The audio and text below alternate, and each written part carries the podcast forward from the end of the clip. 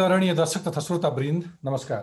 पछिल्लो समय म भौतिक दूरी कायम गर्दै अनि सूचना तथा सञ्चार क्षेत्रमा उपलब्ध नवीनतम प्रविधिको प्रयोग गर्दै घरैबाट यो विशेष कार्यक्रम tough talk from home tough talk तपाईँसँग सञ्चालन गर्दै आएको छु र आजको यस कार्यक्रममा म दिलभूषण पाठक तपाईँ लगायत मेरा सबै सबै दर्शक तथा श्रोतालाई स्वागत गर्दछु।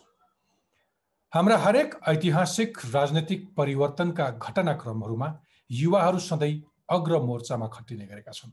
त्यति मात्र होइन दलभित्रका आन्तरिक विवाद सडकमा छताछुल्ला हुँदा होस् वा कुनै वृद्ध पाका नेताको सत्ता स्वार्थलाई बचाउ गर्नु परोस् युवाहरू नै अगाडि आइपुग्छन्।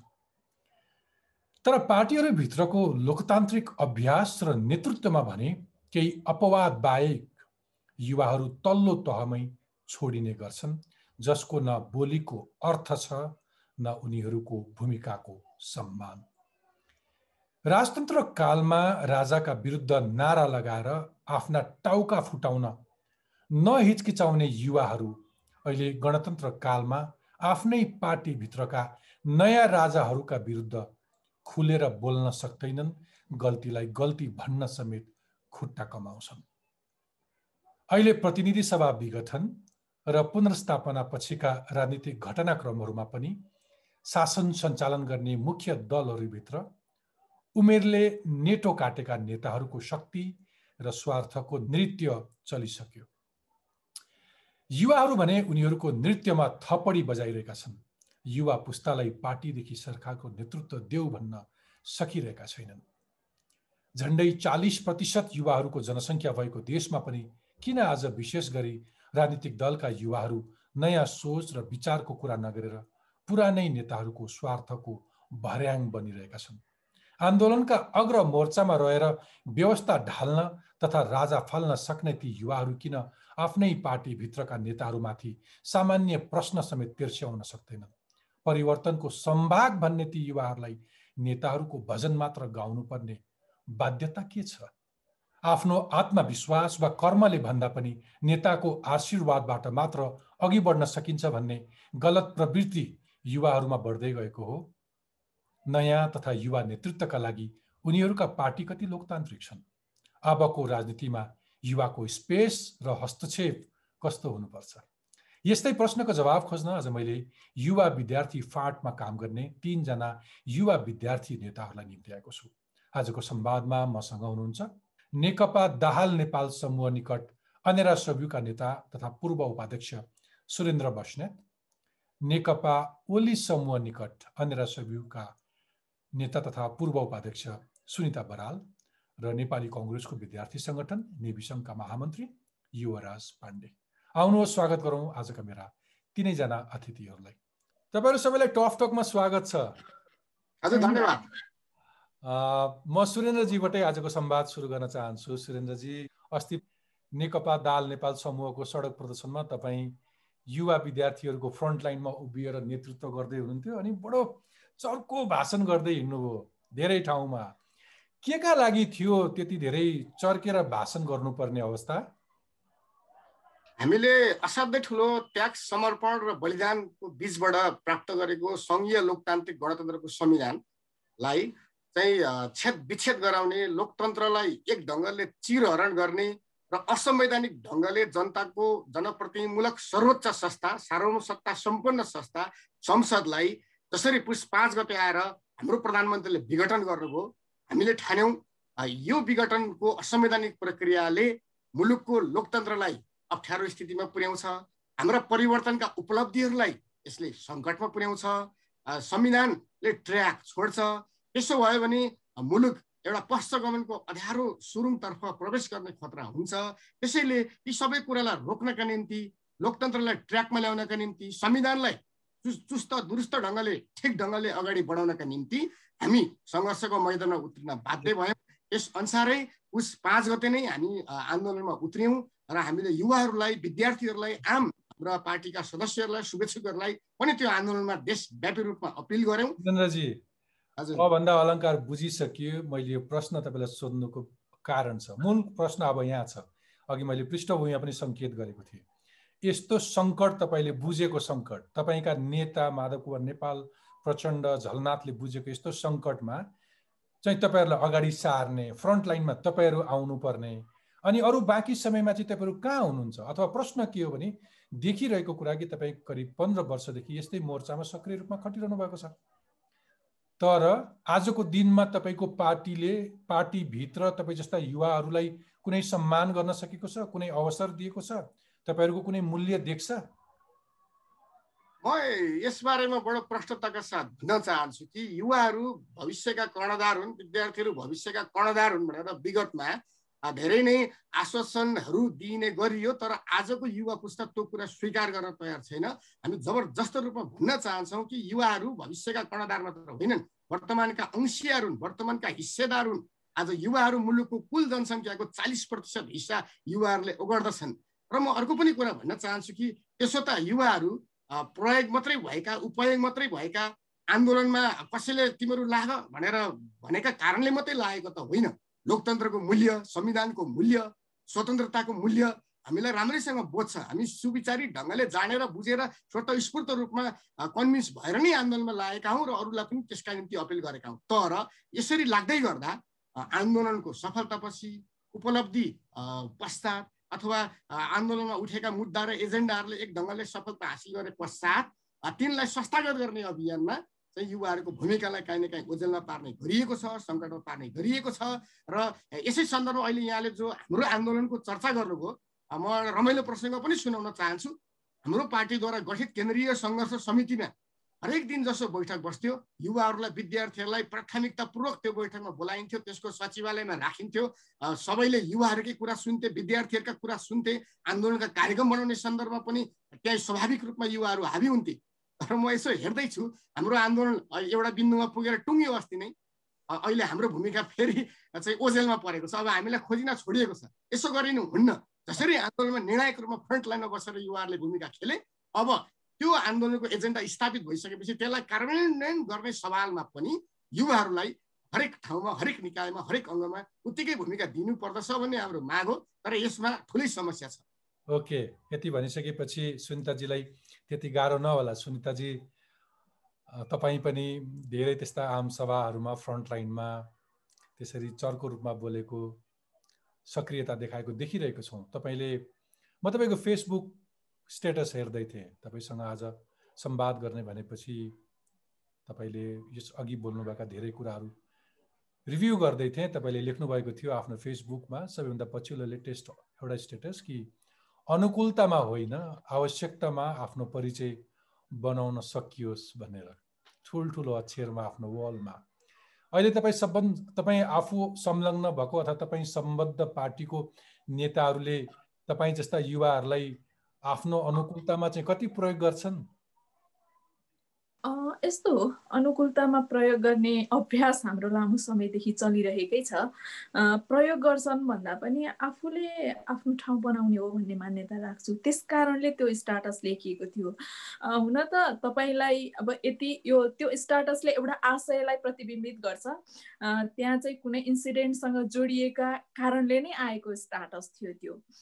त्यो चाहिँ एउटा घटना सन्दर्भ बिना यस्ता खालका शब्दहरू आफै लेखिँदैनन्। त्यही पनि हामीले लेख्दाखेरि धेरै सोचेर लेख्नुपर्छ भन्ने लाग्छ मलाई। त्यस कारणले प्रयोग भएको भन्दा पनि हामी धेरै ठाउँमा परिचालित भएका छौँ परिचालित आवश्यकताले नै भएका हुन्छौँ। तर त्यसमा अर्काको लागि गरिदिएको भन्ने मान्यता चाहिँ मैले राख्दिनँ। किनभने मैले गरिरहेको कामप्रति मैले आफूले विवेक पुर्याएर निर्णय गर्नुपर्छ र सहभागिता जनाउनुपर्छ भन्ने मेरो मान्यता हो। जब म कुनै पनि विषयप्रति कन्भिन्स हुन्न त्यसमा मैले अब्जेक्सन गर्न सक्नुपर्छ भन्ने मान्यताका साथ म अगाडि बढ्ने गर्छु। त्यस कारणले म जहाँ छु त्यहाँ अरूको बढी इन्ट्रेस्ट हाबी भएको हुनसक्छ। अरूका लागि त्यसको रिफ्लेक्ट बढी हुनसक्छ। तर मेरो उपस्थिति मेरो विवेकको निर्णय हो। मैले चाहिँ यसरी उपस्थिति जनाउने गरेको छु। यो कुन सन्दर्भमा लेख्नु भएको थियो? भनिदिन मिल्छ। त्यो पार्टी सङ्गठनभित्रकै हाम्रा केही सन्दर्भहरू थिए। जस्तो कि अब ठ्याक्कै यही सन्दर्भ भन्दा पनि अनुकूलतामा अथवा यो घटनाक्रम प्रतिनिधि सभा अब संसदको पुनर्स्थापना गर्ने अदालतको निर्णय आइसकेपछि अदालतको निर्णय मान्ने मान्ने कुरा हामी सबैका लागि चाहिँ एउटा अनिवार्य शर्त हो यो स्वाभाविक कुरा हो। त्यस कारणले त्यो पछाडि दुई दिनसम्म धेरै ठुलो पङ्क्ति जो केपी ओलीले गर्नुभएको कदम सही छ भन्ने पङ्क्ति थियो दुई दिनसम्म मौन भएको जस्तो स्थिति हो। जब तेस्रो दिनमा आइपुग्यो त्यति बेलासम्म प्रचण्ड कमरेडर माधव कमरेडर शेरबहादुर देउवाको घरमा पुग्नुभयो र उहाँहरूको प्रतिक्रिया अनि राजेन्द्र महतोको प्रतिक्रिया उहाँहरूले प्राप्त गरिसकेपछि फेरि अलिअलि केपी ओलीले गरेकै कदम ठिक थियो कि क्या हो भन्ने खालको वातावरण बन्दै गर्दा चाहिँ त्यो दुई दिनको मौनता र मौनता चाहिँ फेरि युटर्न भएर होइन केपी ओलीसँगै पुग्ने र फेरि अर्को खालको इन्भाइरोमेन्ट क्रिएट गर्ने खालको जुन जमात थियो त्यो जमातप्रति लक्षित गरेर लेखिएको स्टाटस ठिक छ। आज हामी अलिकति म चाहन्छु कि एउटा युवा नेताहरूको वास्तविक मर्म के छ त्यो सुन्न पाइयोस्। तपाईँहरूले सही तरिकाले आत्मसमीक्षा गर्नुभयो भने पार्टीभित्र एउटा युवाले कति भूमिका पाएको छ पछिल्लो केही महिना पछिल्लो वर्षहरू मात्रै हेऱ्यो भने यो मुलुक कोरोना भाइरसको ठुलो सङ्क्रमणबाट गुज्रियो बिचमा संविधान सङ्कटमा पर्यो भनेर भनियो। मधेसमा हामी ठग्यौँ भनेर कुराहरू आए रुकुममा एउटा दलित युवाले ज्यान गुमायो। समाजमा उठ्ने यस्ता व्यापक विषयहरूमा हाम्रा युवा नेताहरू कसरी त्यसलाई रेस रेस्पोन्स गर्छन् कसरी त्यसलाई रियाक्ट गर्छन्? त्यस त्यस त्यसप्रति कसरी सरकार सरकारवालाहरूसँग प्रश्न गर्छन् भन्ने सवाल पनि हो। र दशकौँदेखि नेतृत्वमा बस्ने आउटडेटेड टेस्टेड फेल लिडरसिपहरूका विरुद्धमा युवाहरूले कहिले आफ्नो स्पेस खोज्छन् अथवा एउटा नवीन सोच भएका युवाहरू यो मुलुकले कहिले नेतृत्वमा पाउँछ भन्ने छलफल बहस मैले मात्रै यो यहाँ होइन समाजको हरेक तहमा हुने गरेको छ। त्यसलाई आज अलिकति कोट्याउन खोजेको हुँ। म युवराजीकोमा जान चाहन्छु। युवराजी सुनिताजीले भने जस्तै सुरेन्द्रजीले भने जस्तै तपाईँ नेपाली कङ्ग्रेस निकट विद्यार्थी सङ्घको महामन्त्री हुनुहुन्छ नेवी सङ्घको। तपाईँको पार्टीमा चाहिँ युवाहरूको भूमिका कति छ? अथवा त्यो भूमिकाको मूल्य कति छ? तपाईँको पार्टीमा युवाहरूले कति सम्मान पाएका छन्? कति अवसर पाएका छन्? इमान्दार भएर भनिदिनुहोस्। कि उही टिकाकै चलन हो? यो नेपालको लोकतान्त्रिक या यो प्रजातान्त्रिक आन्दोलनको अग्रणी पार्टी भएको कारणले पनि पुरानो पुस्ता धेरै हाबी भएको स्वाभाविक हो। तर पछिल्लो समय युवाहरूको उपस्थितिले पार्टीभित्रका पार्टीमा एउटा मत निर्माण गर्ने कुरामा दृष्टिकोण निर्माण गर्ने कुरामा चाहिँ युवाहरूको पनि कुरा सुनवाई हुँदै गएको छ। त्यो तर त्यो त धेरै उल्लेख्य छ म भन्दिनँ। खास गरी काङ्ग्रेस पार्टीभित्र निर्णायक तहमा केन्द्रीय समितिमा उसको संसदीय दलभित्र जहाँकै हेऱ्यो भने पनि अब अलि अलि मेच्योर उमेरका प्रतिनिधिहरूको चाहिँ पुस्ताका प्रतिनिधिहरूको चाहिँ उपस्थिति बलियो छ। त्यो उपस्थितिले युवाहरूलाई एक ठाउँ हुन पनि दिँदैन। खास काङ्ग्रेसभित्रको त समस्या यो छ कि युवाहरूमै चाहिँ विभिन्न खालको खेमा छ। यसलाई समूह भनौँ अलिक सभ्य भाषामा। के गुट नभनिकन हामी अचल। विभिन्न समूहमा चाहिँ युवाहरू डिभाइडेड हुनुहुन्छ। इस्युले कहिलेकाहीँ एक ठाउँ ल्याउँछ। तर सबै टिकिहाल्नुहुन्न। पार्टीका स्थापित नेताहरू जो अहिले पार्टीका शीर्ष नेताहरू हुनुहुन्छ उहाँहरूले युवाहरूलाई विभिन्न मतमा डिभिजन गर्न चाहिँ सफल भइराख्नु भएको छ।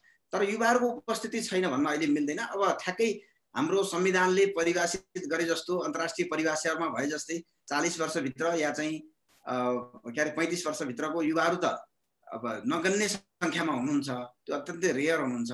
तर उपस्थितिका हिसाबले युवाहरूको सङ्ख्या अहिले केही न केही बढ्दो छ पछिल्लो समय। नेपाली काङ्ग्रेसको पछिल्लो केन्द्रीय महाधिवेशनमा बहत्तरमा भएको महाधिवेशनमा पनि उल्लेख्य उपस्थिति केन्द्रीय समितिभित्र भयो। र चाहिँ अहिले चाहिँ युवाहरूको कुरा केही न केही सुनिएको अवस्था छ। प्रश्न के हो भने नि प्रश्न के हो भने यो नबिर्सौँ कि नेपालमा झन्डै चालिस प्रतिशत सोह्रदेखि चालिस वर्षको उमेर समूह छ। त्यो भनेको त्यो एउटा एउटा लाभ हुन्छ नि। जनसङ्ख्यामा पनि सबैभन्दा ठुलो लाभ जसले मुलुकको आर्थिक अवस्थादेखि लिएर धेरै कुरामा आमूल परिवर्तन गर्न सक्छ। हामी एउटा पार्टीमा युवाहरूले कति स्पेस पाएको छौँ भन्नेतर्फ जाँदैछौँ अहिलेको संवादमा यही उमेर समूहमा रहेकाहरूको तपाईँहरूको पार्टीमा नेतृत्वमा कति स्पेस छ र? सुन्दाखेरि नै चित्त बुझाउने अवस्थामा तपाईँहरू हुनुहुन्छ कि यसभित्र आवाज उठाउनु पर्छ भन्ने अवश्य छैन। हामीले एकदम जोरदार आवाज उठाउनु पर्ने छ। मैले भनिसकेँ कि जो उपस्थिति छ ती उपस्थित नेताहरू पनि कहीँ न कहीँ स्थापित नेताहरूकै लबेदा समात्नु भएको छ। हाम्रो सन्दर्भमा चाहिँ केन्द्रीय समितिभित्र भोलि जनप्रतिनिधि बन्ने सन्दर्भहरूमा हेऱ्यो भने अत्यन्त यसलाई फेर्न जरुरी छ। यसलाई चाहिँ खास गरी एउटा हस्तक्षेपकारी भूमिका नै आवश्यक देखिन्छ। काङ्ग्रेसको सन्दर्भमा हो भने हामी परिपक्व पुस्ता भएकाहरू विद्यार्थीको नेतृत्वमा छौँ। त्यस्तै गरी तरुण दलको नेतृत्व पनि सानो सङ्ख्यामा छ। हेऱ्यो भने पार्टीले युवाहरूलाई चाहिँ पार्टीभित्र दिने स्पेस त झनै छैन। त्यही युवाका समितिहरूलाई पनि पूर्णता दिएको छैन काङ्ग्रेसको सन्दर्भमा।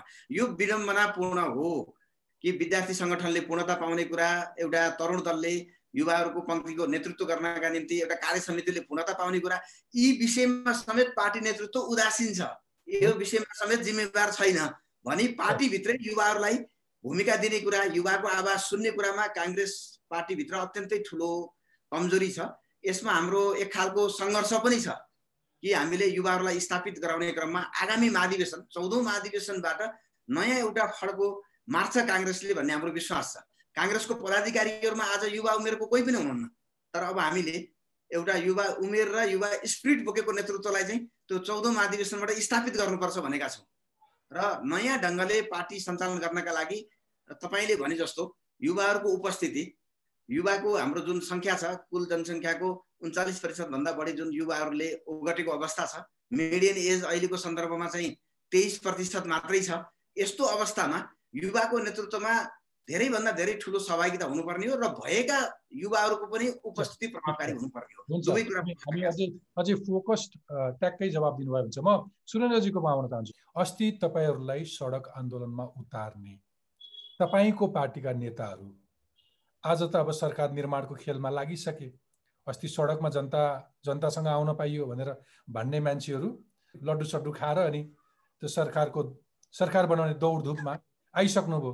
यो सरकार निर्माण गर्ने खेल सुरु गर्दा तपाईँहरू जस्तै युवा पुस्ताका प्रतिनिधित्व गर्ने योग्य योग्यता पुगेकाहरू चाहिँ कुनै नेतालाई नेतृत्व देऊ। अब हामी लिडरसिपमा आउँछौँ। तपाईँहरू आउटडेटेड तिसौँ वर्ष पैँतिसौँ वर्ष तिन दशक चार दशक मुलुकका लागि केही गर्न नसक्नेहरू अब चाहिँदैन भनेर भन्न सक्ने आँट चाहिँ छैन। सिङ्गो राजालाई लाल ललकार्ने अस्ति प्रधानमन्त्री केपी शर्मा ओलीलाई ललकार्नेहरू तपाईँहरू आफ्नै नेतृत्वलाई अब नयाँ पुस्तालाई अवसर देऊ भन्ने भन्न चाहिँ कसले किन रोक्छ?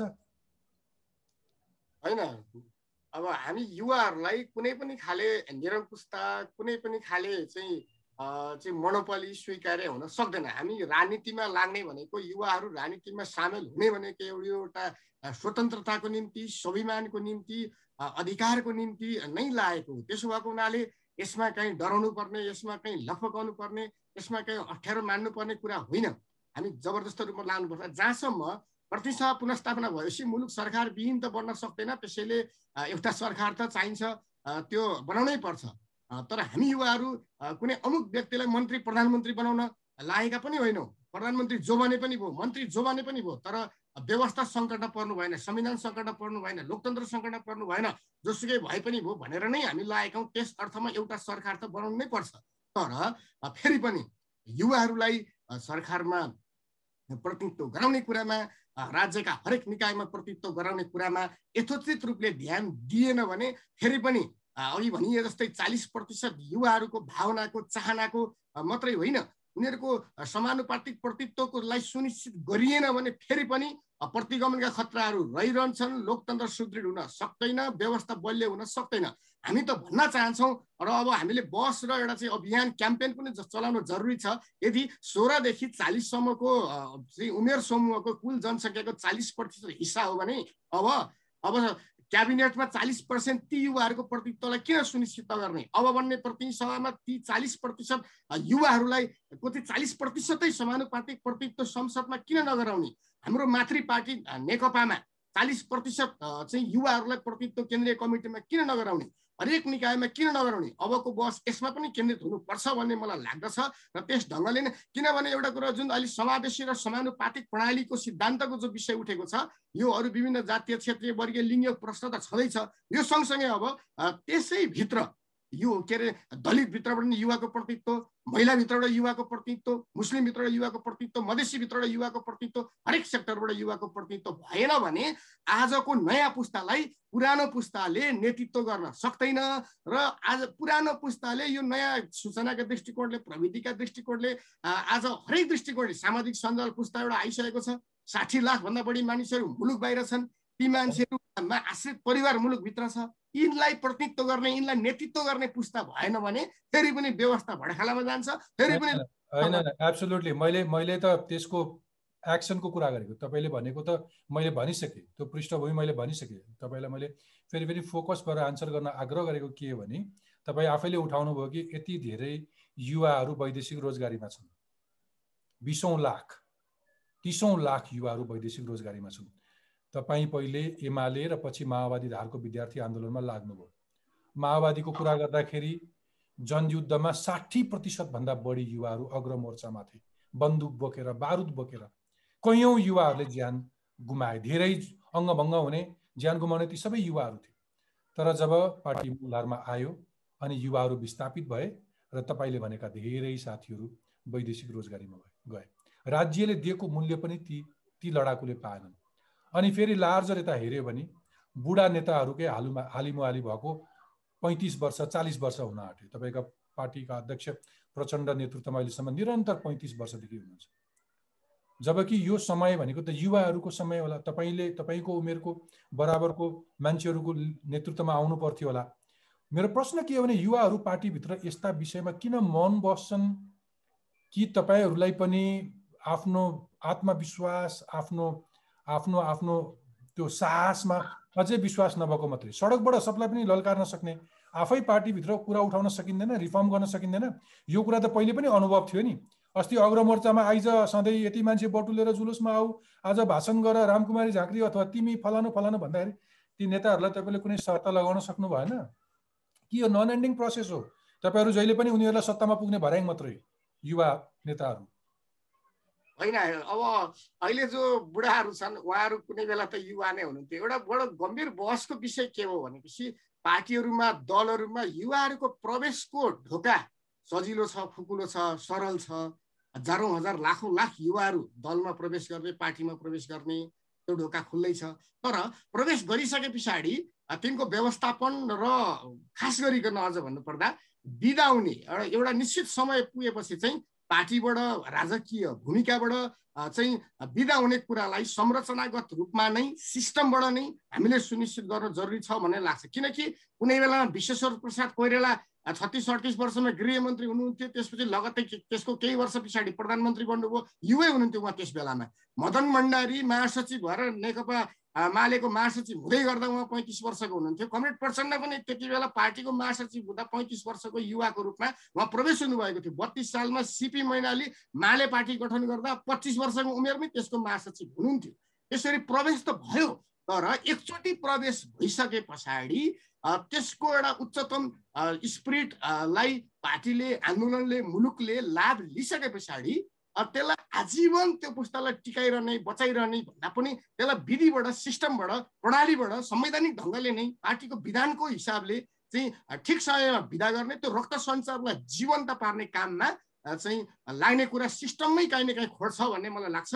त्यसैले यो सिस्टमको चाहिँ हामीले चाहिँ यसलाई चाहिँ रूपान्तरण गर्न जरुरी छ नयाँ बनाउन जरुरी छ भन्ने मलाई लाग्दछ र विकृति विसङ्गति चाहे ती बाहिर सिस्टम कि म पछि आउँछु सिस्टम कि सोच? म त्यसमा आउँछु तपाईँहरूको पार्टीको विधान होला। संविधानले कति कुराहरू ग्यारेन्टी गरेका छ अल्पसङ्ख्यक महिला युवा सबैलाई समान समावेशिताको अवधारणामा समावेश गर्नुपर्छ भन्ने म सुनिताजीकोमा जान चाहन्छु। सुनिताजी मैले तपाईँलाई सोध्न खोजेको चाहिँ तपाईँ प्रधानमन्त्री केपी शर्मा ओलीको नेतृत्वमा नेकपाको रक्षामा उभिनु भएको एकजना युवा नेता। तर धेरैले भने कि केपी ओलीले चालेको कदम गलत रहेछ अदालतले पनि त्यसलाई पुष्टि गरिदियो। यद्यपि तपाईँलाई आफ्ना नेताले गरेको कदम गलत नलाग्न सक्ला माधव कुमार नेपाल अथवा प्रचण्डले गरेको कदम गलत लाग्ला। अहिले हामी कोही प्रति पूर्वाग्रह नहौँ कोही न कोही त गलत होला। तपाईँहरू दुई पक्षमा विभाजित हुनुभएको छ एउटै मान्छे। हरेकले एउटा समूहले अर्को समूहलाई अमला देखाइरहेछ कोही न कोही गलत होला। युवाहरू किन गलतलाई गलत भन्न सक्दैनन्? अथवा किन यसरी विभाजित हुन्छन् र तिनै बुढा नेताहरूको स्वार्थका लागि लाग्नुपर्ने अवस्था छ? के आफ्नो आत्मविश्वास नभएको हो? लबेदा नसमयकन माथि पुग्न सकिन्न? यस्तो हो। हामी एउटा चाहिँ निश्चित मान्यतामा हिँडेका छौँ। उहाँहरूलाई समातेर हिँड्ने भन्दा पनि हामी चाहिँ त्यो चेनमा छौँ जुनमा एउटा प्रक्रिया स्थापित गरिएको छ र तिमी यहाँ काम गर्ने जस्तो अहिले हामी अन्य शिविरको जिम्मेवारीमा छौँ तर त्यस पछाडि हामी क्रमिक रूपले पार्टीमा पार्टीको चाहिँ विभिन्न तहमा जिम्मेवारी लिएर काम गर्ने होला। त्यस कारणले हामी आफूप्रति आत्मविश्वास नभएको भन्दा पनि हामीले गर्ने प्र्याक्टिस जुन फलो गरिरहेका छौँ यो प्र्याक्टिस चाहिँ हामीले सही ट्र्याकमा डोर्याउन सकेका छैनौँ भन्ने लाग्छ मलाई। मैले यो समीक्षा गर्नुपर्दा मैले आफूले रियलाइज गर्नुपर्दा होइन? र हामी जुन प्र्याक्टिसमा छौँ फेरि त्यसलाई ठ्याक्कै छोडेर हामी अर्को बाटोमा हिँडेर चाहिँ गन्तव्यमा पुग्न सक्छौँ त त्यस्तो पनि होइन। र आज हामीले जे गरिरहेका छौँ हन्ड्रेड शत प्रतिशत म ठिक ठाउँमा र ठिक अभ्यासमा छु मैले यसो भनेर पनि दाबी गर्दिनँ। तर फेरि मैले मलाई के कुरा थाहा छ भने जहाँ कमजोरी छ भन्ने कुरा थाहा हुन्छ। त्यहाँबाट नै सच्याउन सकिन्छ भन्ने कुरालाई चाहिँ मैले मान्छु। त्यस कारणले हिजो आज र भोलि हुने कामहरू नेताहरूले हाम्रा चाहिँ अग्रजहरूले गर्ने कुरा उहाँहरूले गरेका हिजो गरेका कामहरू सबै गलत थिए। आज चाहिँ उहाँहरू एउटा उमेरका हिसाबले अलिकति सिनियर हुनुभयो अथवा हिजोसम्म आजसम्म गरेको उहाँहरूको चाहिँ सङ्घर्षलाई उहाँहरूले लिनुभएका कदमहरूलाई सम्मान गर्दै अब हामीले समय सापेक्षित रूपमा अब तपाईँहरूले काम गर्न सक्नु भएन। अहिलेको समयको माग अर्कोतिर पुगिसक्यो। तपाईँहरूका अभ्यासहरू यी हिजोका अभ्यासका निरन्तरता मात्रै भयो भनेर अब हस्तक्षेप गर्नुपर्छ भन्ने मेरो मान्यता हो र मैले चाहिँ त्यो त्यो कुरामा आफ्नो ठाउँबाट सङ्घर्ष गरिरहेको हुन्छु। र हिजोका त्यो यो अहिलेको तत्कालीन घटना राजनीतिक घटनालाई लिएर टिप्पणी धेरै गर्न परेन। गलत र सही समयले फेरि पनि पुष्टि गर्ला। तर हामीले जब जति बेला प्रधानमन्त्री र हाम्रो पार्टीका अध्यक्षले संसद विघटन गर्ने निर्णय गर्नुभयो त्यो हामी कसैलाई पनि थाहा थिएन। तर त्योभन्दा अगाडिको चाहिँ दुई तिन महिनादेखि लामो समय बेसिकली चाहिँ दुई तिन महिना लामो समय चाहिँ हामीले पार्टीभित्र भएका समस्याहरूलाई समाधान गर्नका लागि चाहिँ निरन्तर दबाब दिइरहेका थियौँ। तर ती समस्याहरू समाधान हुने ठाउँबाट भन्दा पनि अझ बढी बढ्ने ठाउँबाट अगाडि बढिरहेका थिए। त्यो कुराको कारक चाहिँ व्यक्तिगत स्वार्थ जस्तो देखिन्थ्यो। यो एकदमै विडम्बनापूर्ण कुरा हो हाम्रा लागि र अहिलेको पुस्ताका लागि एउटा सचेत नागरिकका लागि पनि। त्यस कारणले पछिल्लो समयमा त्यो घटनाक्रमले पुष्टि गर्दाखेरि पनि आज पनि र हिजो चाहिँ त्यो संसद पुनर्स्थापनाको निर्णय नआउँदासम्म पनि सडकमा भएका आन्दोलनहरू र सडकमा उठाइने आवाजहरू जबरजस्त रूपमा खबरदारी गर्ने मात्रै थिएनन् कि धम्कीपूर्ण थिए। यस्तो खालको अभ्यासले हामी निश्चित गन्तव्यमा हाम्रो चाहिँ उद्देश्यमा राजनीतिक गन्तव्य पुग्न सक्दैनौँ भन्ने मान्यताका कारणले हिजो म केपी ओलीसँग थिएँ। तर त्यहाँभित्र हुँदा पनि र जहाँ जुनसुकै ठाउँमा हुँदा पनि हिजोको अभ्यासको निरन्तरता मात्रै आजको समयको आवश्यकता होइन। त्यस कारणले अब हामीले परिवर्तन गर्नुपर्छ र तपाईँहरूको सोच अहिलेको समय अनुसार अब पूर्ण पूर्ण हुँदैन। त्यस कारण तपाईँहरूले अब हामीलाई ठाउँ दिनुहोस्। म तपाईँलाई एउटा उदाहरण भनौँ। मैले चाहिँ आज म तपाईँको सञ्चार माध्यम मार्फत पनि भन्न चाहन्छु र म भन्न सक्छु पनि। यो फेरि भन्न सक्ने कुरा पनि हो। मैले अहिलेको यो देशको प्रधानमन्त्री केपी शर्मा ओली जो हाम्रो पार्टीको अध्यक्ष पनि हुनुहुन्छ उहाँलाई मैले व्यक्तिगत रूपमा पनि र व्यक्तिगत भनेको औपचारिक ठाउँमा औपचारिक कार्यक्रममा त भन्ने कुरा भएन तर अरू धेरै नेताहरू र साथीहरूलाई साँची राखेर के भनेको छु भने अब हामी चाहिँ तिस वर्षभन्दा क्रस गरेर अगाडि लागिसक्यो हाम्रो उमेर समूह। तर तपाईँ हामीलाई तपाईँको इतिहास सुनाउँदै गर्दाखेरि म चाहिँ अठार उन्नाइस वर्षको छिटो थिएँ त्यति बेला यति सङ्गठन बनाउँथेँ बिस एक्काइस वर्षमा हुँदाखेरि मैले चाहिँ जेल जीवन बिताइरहेको थिएँ भनेर सुनाइरहँदा तपाईँ हामीले हाम्रो तपाईँले हामीप्रति गर्ने चाहिँ यो क्षमता योग्यता र नेतृत्व गर्न सक्ने क्षमताप्रति यति धेरै नजरअन्दाज गर्न मिल्छ। अब हामीलाई दिनु पर्यो नि भनेर मैले पटक पटक उहाँसँग नै पनि भनेको छु। मेरो प्रश्न के हो? तपाईँहरूसँग के अपेक्षा हुन्छ समाजको? तपाईँ युवा नेता भनेर तपाईँ घर छोडेर हिँड्नु भएको छ। तपाईँको परिवारको पनि केही अपेक्षा होला। तपाईँलाई टोल समाजले देखाएको छ। सञ्चार माध्यमहरूमा हामी देखाउँछौँ। सिङ्गो देशले अपेक्षा गर्छ। युवा भनेपछि आशा हुन्छ।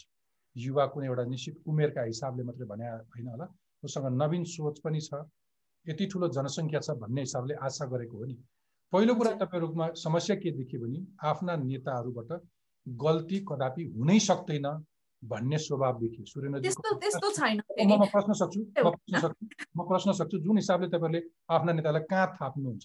सिङ्गो समाजले तपाईँहरूका नेतालाई मूल्याङ्कन गर्ने एउटा छ दसौँ पटक दसौँ वर्ष सत्तामा बसेको छ केही पनि डेलिभरी गरेको छैन भन्ने समाजको एउटा बुझाइ छ।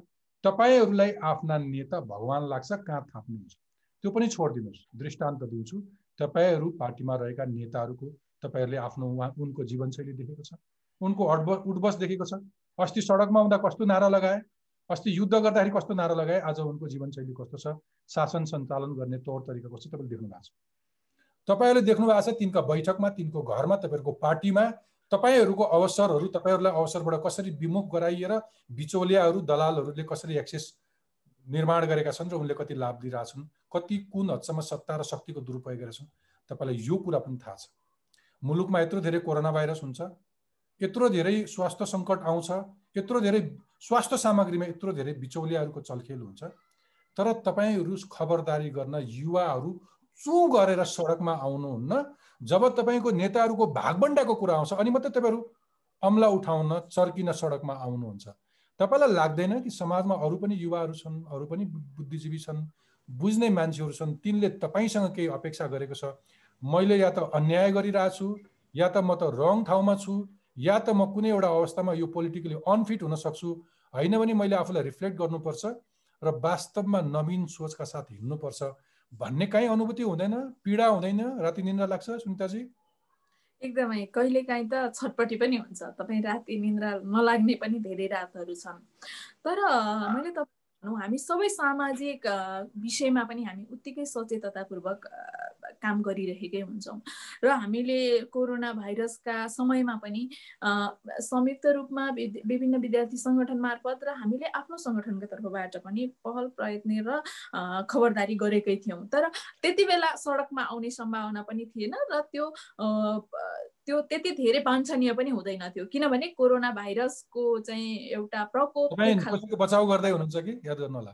होइन होइन। यो बचाउ गरेको नि तथ्य कुरा हो किनभने तपाईँले चाहिँ थाहा अनुभूति गर्नुभएको छ र कोरोना भाइरसको हामी सबैलाई एउटा भवितव्य जस्तो भएको थियो। नेपालमा चाहिँ हाम्रा हाम्रा स्रोत साधनहरू हामीसँग भएको चाहिँ जनशक्तिको उपलब्धता र कोरोना भाइरसको जोखिम अनि त्यसले पार्ने प्रभाव चाहिँ हामी अलिकति बढी समूहमा बसेर कुराकानी गर्न सक्ने पनि वातावरण थिएन। अब त्यो नारा जुलुसका कुरा भनेका फरक कुरा भए। तर फेरि हामी सबै बेलामा र सबै सन्दर्भमा सबै इस्युमा जुलुसै लगाएर सडकमा जानुपर्छ यस्तो पनि हुँदैन।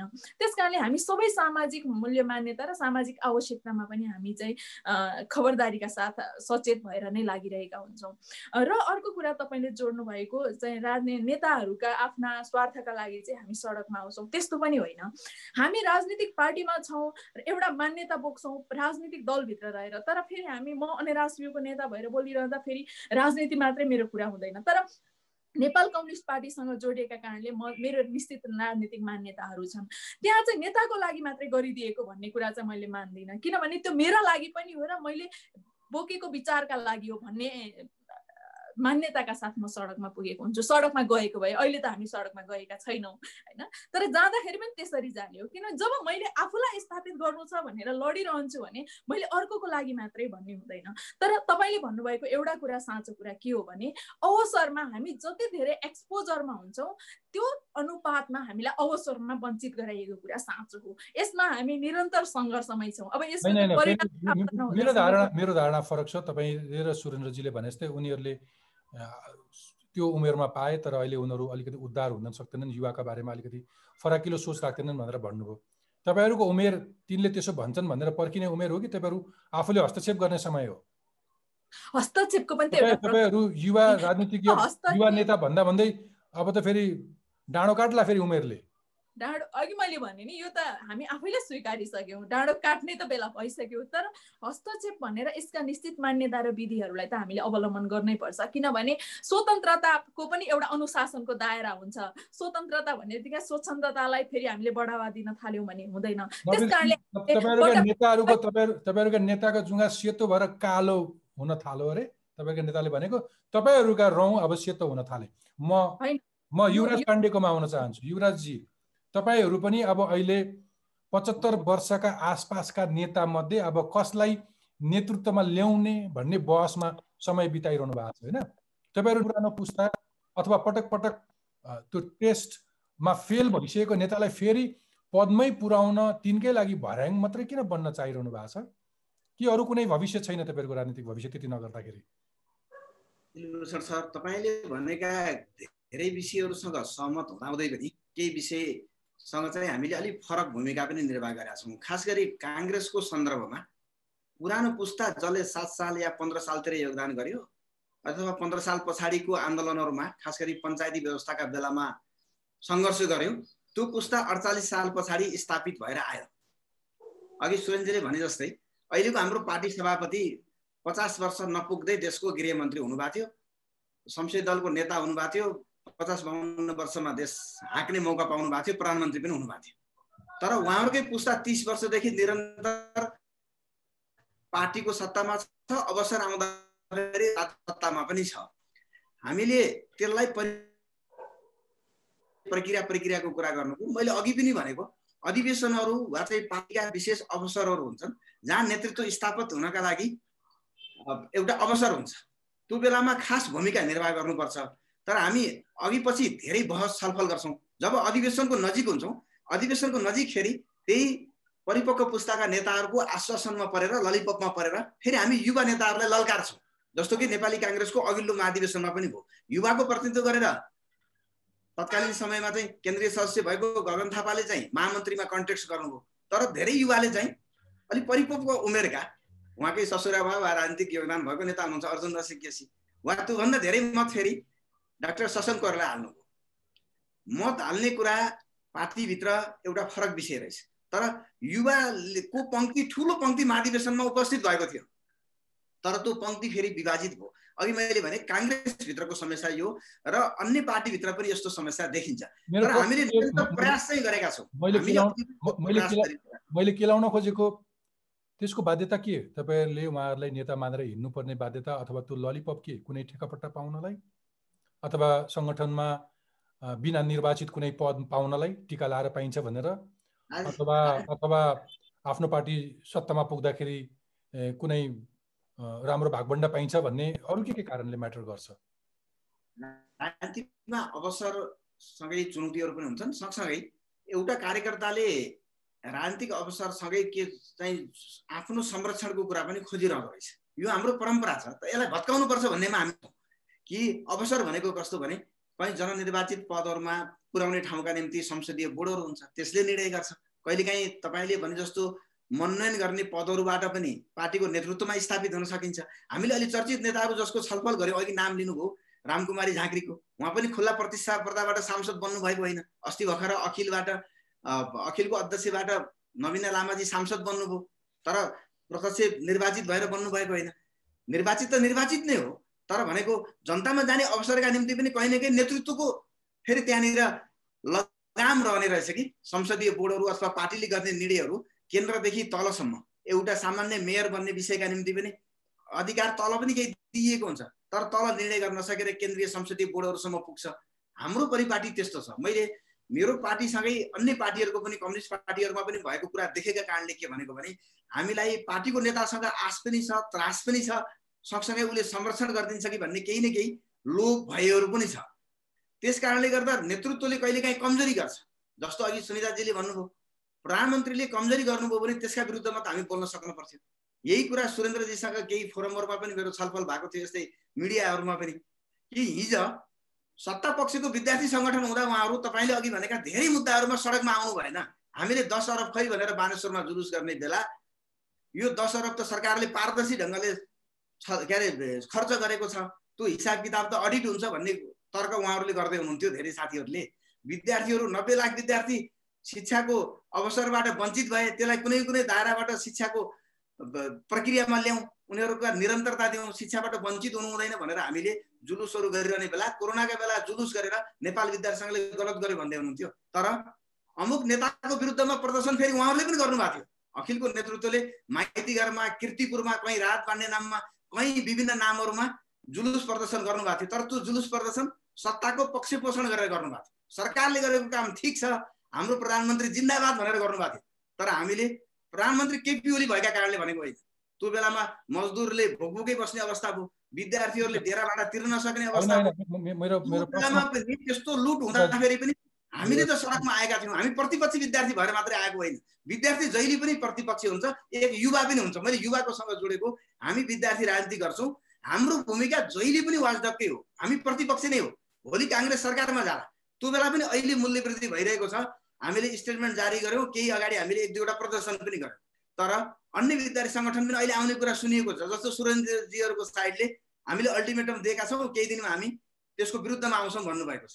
अरू विषयहरूमा पनि। तर यो अगाडि दस महिनादेखि जब कोरोनाको महामारी थियो जनता अप्ठ्यारोमा थिए महामारीका बिचमा पनि भ्रष्टाचार भइरहेको थियो ओम्नी जस्ता प्रकरणहरू आइरहेको थिए। त्यो बेलामा हाम्रा विद्यार्थी नेताहरू युवा भनेकाले सरकारका विरुद्धमा खबरदारी गर्न किन सक्नु भएन मुद्दामा? हामी यति भन्छौँ नेतृत्वमा स्थापित हुने कुरा एउटा विषय हो। त्यो युवाले हुनुपर्दछ समयअनुसार। हामी त्यसका निम्ति पनि पार्टीभित्र आन्तरिक रूपमा फाइट गर्दैछौँ। हाम्रो अधिवेशनमा यसपटक यो मुद्दालाई हामीले जबरजस्त ढङ्गले उठाएर लान्छौँ। हामीले हाम्रा पुराना नेताहरूलाई सम्मानजनक विदाई गर्ने उहाँहरूको योगदानको कदर गर्दै सम्मानजनक विदाई गर्ने पनि भनेको छौँ। तर उहाँहरूले मान्नु भएन। उहाँहरू राजी हुनु भएन खुसीका साथ पनि हामीले फेरि फोर्सफुली पनि उहाँहरूलाई विदाई गर्छौँ यसपालि भनेर भनेका छौँ। हाम्रो कमिटमेन्ट हो। हामी युवा जमातका तर्फबाट त्यस्तै देश चलाउने अहिले सत्तामा बसेका जो हुनुहुन्छ कार्यकारी भूमिकाहरूमा उहाँहरूले गलत गरिरहँदाखेरि हामीले औँलो ठड्याउन नसक्ने तर आफ्नो स्वार्थ नमिल्दाखेरि हामी सडकमा आउने प्रवृत्ति चाहिँ गलत छ भन्ने कुरा हुन्छ। सुरेन्द्रजी युवराजीले बडो मिठो उठान प्रसङ्ग उठाउनु भयो कि अघिल्लो महाधिवेशनमा पनि केही प्रयत्न भएको थियो। भले केही युवा साथीहरू युवा तर नवीनतम सोच होइन कि झन् परम्परागत सोचका मान्छेहरू छन् तिनले झन् वृद्धहरूलाई भोट हाले विभाजित भए भनेर भन्नुभयो। त्यो सँगसँगै अहिलेको अब अब आउने महाधिवेशनमा हामी च्यालेन्ज गर्दैछौँ भनेर नेपाली कङ्ग्रेस का पार्टीमा आबद्ध युवा नेताहरूले पटक पटक दिइरहेको सन्देश हो पछिल्ला केही महिनाहरूमा। सुरेन्द्रजी तपाईँलाई यस्तो लाग्दैन कि यो तपाईँहरूको लागि अर्को ठुलो अवसर थियो? पार्टी विभाजित थियो। प्रधानमन्त्री केपी शर्मा ओलीले सङ्कटमा पर्दाखेरि ल ठिकै छ नि प्रचण्ड आँट गर्न सक्छौ त मलाई प्रधानमन्त्री चाहिएको छैन भनेर नयाँ पुस्तालाई दिउँ न त भनेर त्यो पासा फाल्नुभयो। प्रचण्डजीले पनि म प्रधानमन्त्री हुन्न भनेर सडकमा भाषण गर्नुभयो। यो त तपाईँ जस्ता उर्वर क्षमतावान युवाहरूलाई पार्टीमा मजबुत ढङ्गले त्यो नारा उठाउनलाई अवसर थियो नि होइन? अब टेस्टेड म पटक पटक भन्छु टेस्टेड एकचोटि दुईचोटि सरकारमा बसेर नपुगेका पूर्व प्रधानमन्त्रीहरू तपाईँका पार्टीका सिनियर लिडर्सहरू फेरि त्यही सत्ताको गोल चक्करमा त्यही सत्ता र शक्तिको वरिपरिमा जान खोजेकाहरूलाई अब भयो। इनफ इज इनफ यो शब्द कसै तपाईँहरूलाई अरू कसैले लगाइदिए जस्तो लाग्छ होला नारा तर समाजको यथार्थ हो।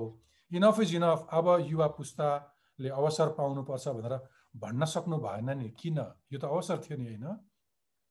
निश्चय नै दुईटा ठुला कम्युनिस्ट पार्टीको एकता हुँदै गर्दा हाम्रा शीर्षस्थ नेताहरूले भन्नुभयो कि यो युवा पुस्ताको निम्ति मुलुकको भविष्यको निम्ति जनताको भविष्यको निम्ति हो भनेर भन्नुभएको थियो र हामीले पनि त्यो एकतालाई त्यही रूपमा बुझेका थियौँ र त्यसको पैरवी पनि गऱ्यौँ वकालत पनि गऱ्यौँ बहस पनि गऱ्यौँ। र तर दुर्भाग्य हामी एउटा दुर्घटनामा अहिले आइपुगेका छौँ। यहाँले ठिकै भन्नुभएको हो कि प्रधानमन्त्री केपी शर्मा ओलीले पछिल्लो चरणमा पार्टीभित्र भन्नुभयो कि अब युवाहरूलाई नेतृत्व हस्तान्तरण गर्ने भनेर। होइन साँच्चै उहाँको कुरा गम्भीरतापूर्वक आएको हो कि भन्ने पनि लाग्यो। तर उहाँ हामीले हेऱ्यौँ त अहिले घटनाबाट तथ्यबाट हेर्ने हो। यदि केपी ओली कमरेडले इमान्दारीपूर्वक साँच्चीकै नयाँ पुस्तालाई पार्टीको नेतृत्व सरकारको नेतृत्व हस्तान्तरण गर्न चाहनु भएको भए त आज त उहाँले भनेको मान्ने मान्नेहरूको लाइक माइन्डेडहरूको मात्रै पार्टी छ नि ओली समूहमा। यदि साँच्चै उहाँले युवालाई हस्तान्तरण गर्न खोज्नु भएको त्यो कुरा प्रचण्डले माधवले झलनाथले रोकेको भए त इतिहासमा केपिओलाई स्वर्णिम अवसर थियो नि त। युवाहरूको चाहिँ चाहिँ त्यो पार्टीको नेतृत्व हस्तान्तरण गर्ने सरकारको नेतृत्व हस्तान्तरण गर्ने। तर आज उहाँहरू एक्लै हुँदा त्यो बस पुरै जिरो भएको छ शून्य भएको छ समाप्त भएको छ। बरु उल्टै अर्को कुरा एउटा दुर्भाग्यको कुरा हो कि म यति बेला यसलाई सान्दर्भिकै ठान्छु अन्यथा अर्थ पनि नलागोस् कि हामी युवाहरूले अब चाहिँ आन्दोलनमा एउटा पुस्ताले हिजोको क्रान्तिमा हिजोको आन्दोलनमा तपाईँहरूले नेतृत्व गर्नुभयो। अब हामी अवसर दिनुहोस्। अब तपाईँहरूले बिदा लिनुहोस् भनेर भन्नुपर्ने युवाका सङ्गठनहरू विद्यार्थीका सङ्गठनहरू आज हामी सडकमा देख्दैछौँ। व्यक्तिगत रूपमा होइन जुलुसै लाएर संस्थागतै ढङ्गले आधिकारिक नारा नै तय गरेर मञ्चबाटै अहिले के भनिँदैछ भने आजलाई होइन भोलिलाई अझ अझ सत्तरी वर्ष पुग्नु भएको छ कमरेड केपी ओली अझ दस वर्ष ओली लारे। त्यति मात्रै भए त हुन्थ्यो। उहाँहरू उहाँहरू भन्दै हुनुहुन्छ कि केपी बा आई लभ यु यो केपी बा आई लभ यु सत्तरी वर्ष पुगिसक्नु भएको छ अझै आई लभ यु भनिरहनु भएको छ उहाँहरू। होइन होइन मैले मैले तपाईँलाई केपी बाको प्रश्न गरेँ होइन। मैले तपाईँको आफ्नै नेता प्रचण्ड र माधव कुमार नेपाल त्यो सुनिताजीको आउँछु होइन हामी केपी बा आई लभ यु प्रचण्ड बा आई लभ यु झलनाथ बा माधव बा आई लभ यु भन्न हामी युवाहरूले हो भने उहाँहरू त सत्तरीको वरिपरि पुगिसक्नु भएको छ। हिजो पूर्व एमालेमा सत्तरी वर्ष उमेर पुगेकोलाई चाहिँ विधानमै चाहिँ अवकाश लिने भन्ने थियो। पार्टी एकतामा त्यो च्याप्टर स्थगित भएको छ। र आखिरीमा फेरि त्यसलाई चाहिँ अब पार्टीका महाधिवेशनहरू आउँदैछन्। आउँदाखेरि चाहिँ अब हामी आई लभ यु भन्दै अझ चाहिँ विदा लिने उमेर समूहका नेताहरूलाई अझ चाहियो तपाईँहरू नभए हुन्न हामी केही गर्न नसक्ने भयौँ भन्ने हो कि हामी अगाडि बढ्ने हो। त्यस कारण मैले भने अघि युवराज पाण्डेजीको कुरामा युवालाई पनि भोट हालेनन् भन्ने सन्दर्भको कुरा कहाँ गएर जोडिन्छ करेक्सन भने त्यहाँ कस्ता प्रतिनिधि आएका थिए त? महाधिवेशनमा ल्याउने प्रतिनिधि छान्ने प्रणालीबाटै हामीले त्यो सच्याउन सुरु गर्नुपर्दछ। युवा मैत्री प्रतिनिधिहरू युवा प्रतिनिधिहरू वास्तविक युवाहरू त्यो विचारका दृष्टिकोणले त्यो एजेन्डाका दृष्टिकोणले दृष्टिकोणले ल्याउनु पर्दछ। तपाईँहरू अधिकारका लागि यति चर्को नारा लगाउनुहुन्छ। बरु विद्रोहका हिसाबले र मागको हिसाबले युवराजजीहरू अगाडि देखिनुभयो। काङ्ग्रेस पार्टीको सङ्गठनहरू बरु अगाडि देखिए। भलै त्यहाँ कस्तो लोकतन्त्र छ त्यो पार्टीभित्र कस्तो गभर्नेन्स छ त्यसमा फेरि फर्केर आउँला। तर तपाईँहरू त नेपाल विद्यार्थी सङ्घका अथवा अथवा नेपाली कङ्ग्रेसका युवा नेताहरू जतिको पनि ऊर्जावान देखिनु भएन अथवा च्यालेन्जिङ देखिनु भएन आफ्ना नेतृत्वहरूप्रति भन्ने प्रश्न हो। केपी ओलीतिर नमोडौँ। तपाईँ आफ्नै नेताहरूलाई च्यालेन्ज गर्ने अवस्था चाहिँ किन आएन? कहिले आउँछ भन्ने प्रश्न हो सिधा सिधा। होइन प्रष्ट कुरा नेताहरूले इतिहासमा आफ्नो भूमिका अदा गर्नुभयो। मलाई लाग्छ उहाँले सङ्घीय लोकतान्त्रिक गणतन्त्रसम्म ल्याउँदा अघिल्लो पुस्ताले हाम्रो शीर्षस्थ नेतृत्वको पुस्ताले एउटा ऐतिहासिक कार्यवाद पुरा गरेको छ। अब उहाँहरूलाई हामीले धन्यवाद दिन पर्दछ र भन्नु पर्दछ कि अब तपाईँहरूले जति योगदान गर्नुपर्ने थियो त्यो गर्नुभयो। केही कमी भयो होला कमजोरी भयो होला मूलत क्रान्तिक आन्दोलनको क्रान्तिको नेतृत्व गर्नुभयो। अबको अभियान भनेको विकासको हो समृद्धिको हो मुलुकलाई नयाँ ठाउँमा पुर्याउनेको हो युवाहरूलाई एउटा सुन्दर भविष्य देखाउने कुराको हो। त्यस अर्थमा हाम्रो प्रतिनिधित्व समुचित ढङ्गले राज्यका हरेक निकायमा सम्बोधन गरिनु पर्दछ भन्ने कुरा नै हो र आउँदो महाधिवेशन हाम्रो नजिकै छ। यो महाधिवेशनमा पनि युवाहरूलाई ठिक ढङ्गले नीति निर्माणमा हस्तक्षेप गर्ने गरी एकजना दुईजना देखाउन ल्याएर हुँदैन। एकजना दुईजना सेलिब्रेटी भएर पनि हुँदैन। नीतिमा त्यो प्रतिबिम्बित हुनु पर्यो निर्णयमा त्यो प्रतिबिम्बित हुनु पर्यो नियुक्तिमा त्यो प्रतिबिम्बित हुनु पर्यो केन्द्रीय कमिटीको कार्य समितिमा त्यो चाहिँ प्रतिबिम्बित हुनु पर्यो। त्यस ढङ्गले युवाहरूलाई नीति निर्माणमा हस्तक्षेपकारी ढङ्गले भूमिकालाई संरचनागत रूपमै रहेका त्रुटिहरूलाई सच्याएर सच्याइएन भने फेरि पनि हामी नारा लाउने मात्रै कुरामा म सुनिताजीकोमा जान चाहन्छु। सुनिताजी कतिपयले के भन्छन् भने युवाहरूमा खासै कुनै गहिरो अध्ययन छैन। समाज बुझ्न सकेको छैन। राजनीति गर्छु भनेर भनेका छन्। यतिकै यतिकै हिँडेका छ। तर गहिरो अध्ययन नहुँदा विचार संस्कारबाट टाढिएका छन्। त्यसैले अहिले वृद्ध नेताहरूलाई हस्तक्षेप गर्न नसकेको हो युवा पुस्ताले भनेर ठुलो आरोप लगाइन्छ। सोसियल साइन्टिस्टहरू सामाजिक अरू राजनीतिक विश्लेषकहरूले त्यो भन्छन्। तपाईँलाई के लाग्छ?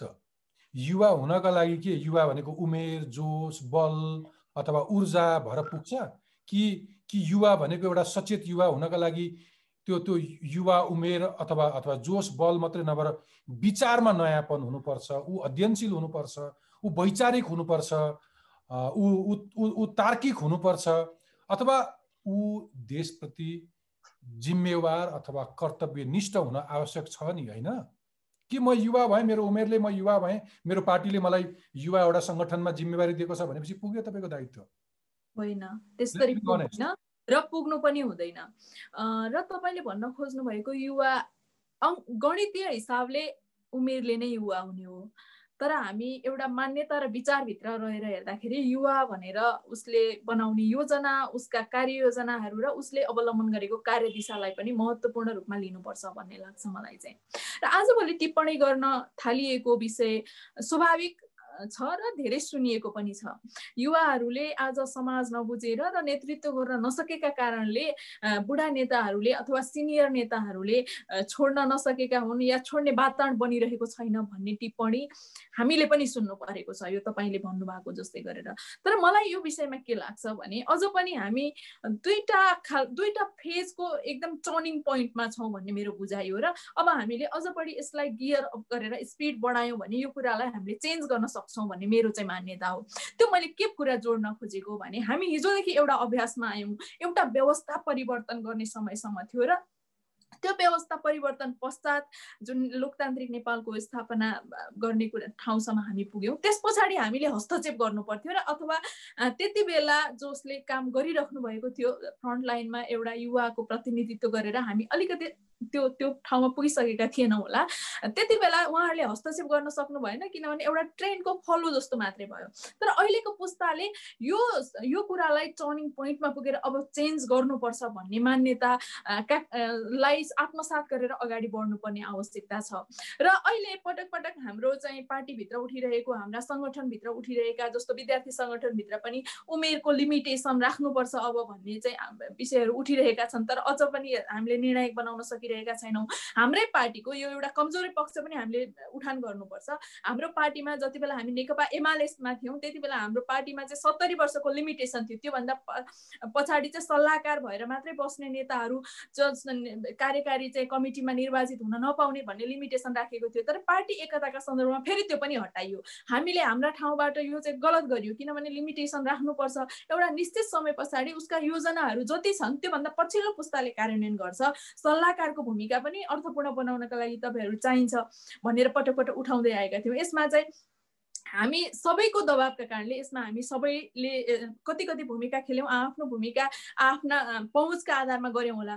तर पछिल्लो समय केपी ओलीले चाहिँ महाधिवेशनबाट मैले छोड्छु भनेर उद्घोष गर्नुभएकै थियो। तर त्यो खालको वातावरण बन्ने कुरामा अब पार्टीका राजनीतिक दलहरूका आफ्ना मान्यता हुन्छन् महाधिवेशन गर्ने परिस्थितिको निर्माण नभएका कारणले होइन भने उहाँलाई छोड्न बाध्य बनाउनका लागि हामी आफै लाग्थ्यौँ। त्यस कारणले हाम्रा भूमिकाहरू स्थापित गर्दै गर्दा र हाम्रा अहिलेको पुस्ताले अध्ययनमा कमी गरे गरेको हिजोको जस्तै खाले प्र्याक्टिसको अध्ययन चाहिँ गरेको छैन होला। तर जो अहिले गर्न सक्छु भनेर आइरहेका युवाहरू छन् त्यो सबै राजनैतिक दलमा आउनुभएकै युवा नेताहरू चाहिँ अध्ययनका हिसाबले अहिले सामाजिक परिवेशलाई बुझ्नका लागि हिजोकै ट्रेन फलो गर्नुपर्छ भन्ने मान्यता राख्नेहरूले नै हिजोको मोमेन्ट देख्नुभएकाहरूले गर्ने टिप्पणी हो। तर आजको आवश्यकतालाई बुझ्ने कुरामा चाहिँ आजको पुस्ता नै बढी सबल छ भन्ने लाग्छ मलाई चाहिँ। म युवराजीकोमा आउन चाहन्छु। युवराजी अर्को एउटा आरोप चाहिँ युवा वर्गमा पनि एक किसिमको हल्लाको पछि अथवा भिडको पछि दौडिने सङ्ख्या धेरै छ।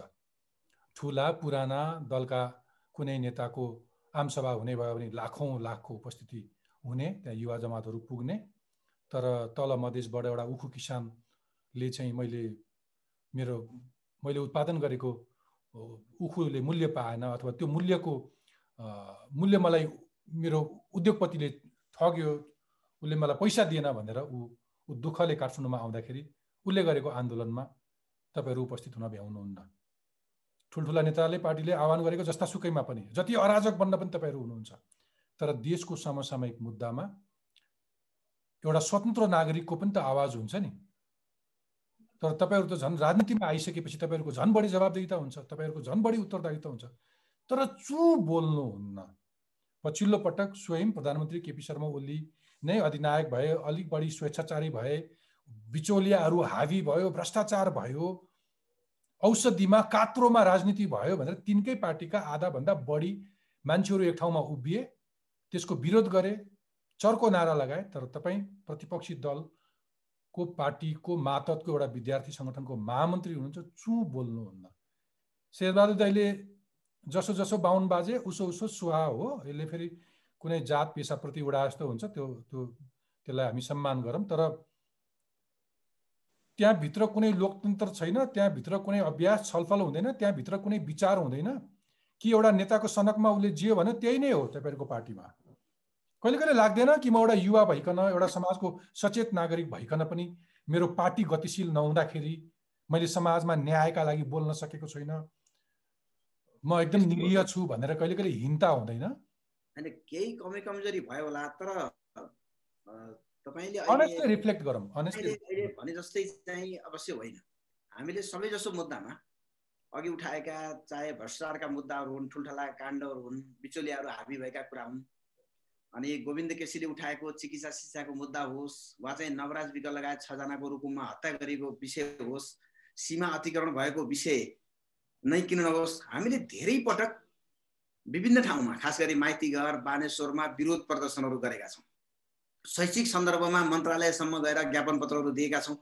हामीले यस्ता विकृति विसङ्गता विरुद्ध यो बिचमा बोलेनौँ भन्ने कुरा होइन। कोरोनाको जोखिमका बावजुद पनि हामी पटक पटक सडकमा गएका छौँ। कहिलेकाहीँ त गिरफ्तारीहरूसम्मको हामीले सामना गरेका छौँ। तर हिजो जस्तै सहज अवस्था आन्दोलनका लागि यो बिचको एक वर्षमा थिएन त्यो चाहिँ स्वाभाविक हो। किनभने जनता भयभीत भएको अवस्थामा हामी सरासर सबै सडकमा जाने अवस्था थिएन। तर पछिल्लो समय जब प्रधानमन्त्रीले ठाउँ ठाउँमा भ्रमणहरू गर्नुभयो अनि सरकारले आफै आफ्ना स्वास्थ्य प्रोटोकलहरू उल्लङ्घन गर्यो त्यसपछि हामीले पनि विरोधको तौर तरिकालाई बदल्यौँ अलिक खुला भएर आयौँ। त्यो चाहिँ हाम्रो केही त्यति बेलाका सीमाहरू हुन् स्वास्थ्य सम्बन्धी सावधानीका कारणले अप्नाइएको। तर हामी सडकमा नआएको भन्ने होइन। पार्टीले निर्देशित गरोस् या नगरोस् कतिपय विषयमा पार्टीले बोल्नुभन्दा अगाडि हामी बोलेका छौँ। हामीले तत्काल सडकमा ओर्लिएर आफ्नो प्रतिक्रिया जनाएका छौँ कतिपय विषयहरूमा। तर संसद हुँदाखेरि हामी अलिकति शालीन खालको सभ्य खालको अलिक सुसज्जित खालको संसदीय अभ्यास गर्ने भएका कारणले गर्दा काङ्ग्रेसको प्रतिपक्षको स्वर सुनिएन भन्ने भयो। त्यस्तै विद्यार्थी हामी युवाहरू पनि हिजो जस्तो तोडफोडको राजनीति अहिले त अलिअलि सिक्नु भएछ। सुरेनजीहरूले पनि धेरै त्यस्तो हिंसात्मक राजनीति सडकतिर गरेको पाइएन। सुनिताजीहरू त संस्थापन नै हुनुभयो। उहाँहरूले त के अरे राज्यका सम्पत्ति चाहिँ तोडफोड गर्नुहुन्न भन्ने कुरालाई चाहिँ अवलम्बन गरेकै पाइयो। तर पनि अझै पनि बन्द हडतालहरू गरिए यही बिचमा पनि। दुई महिना आन्दोलन हुँदा नै सडक एकदमै फरक ढङ्गले जाम भयो। जनताले शास्ति पाउनुभयो आखिर सत्ताधारी दलले सडकमा आएर निर्वाचन माग्यो कतै? कतै जनतालाई फरक ढङ्गले आश्वस्त पार्न खायो त्यही भित्र असहमत राख्ने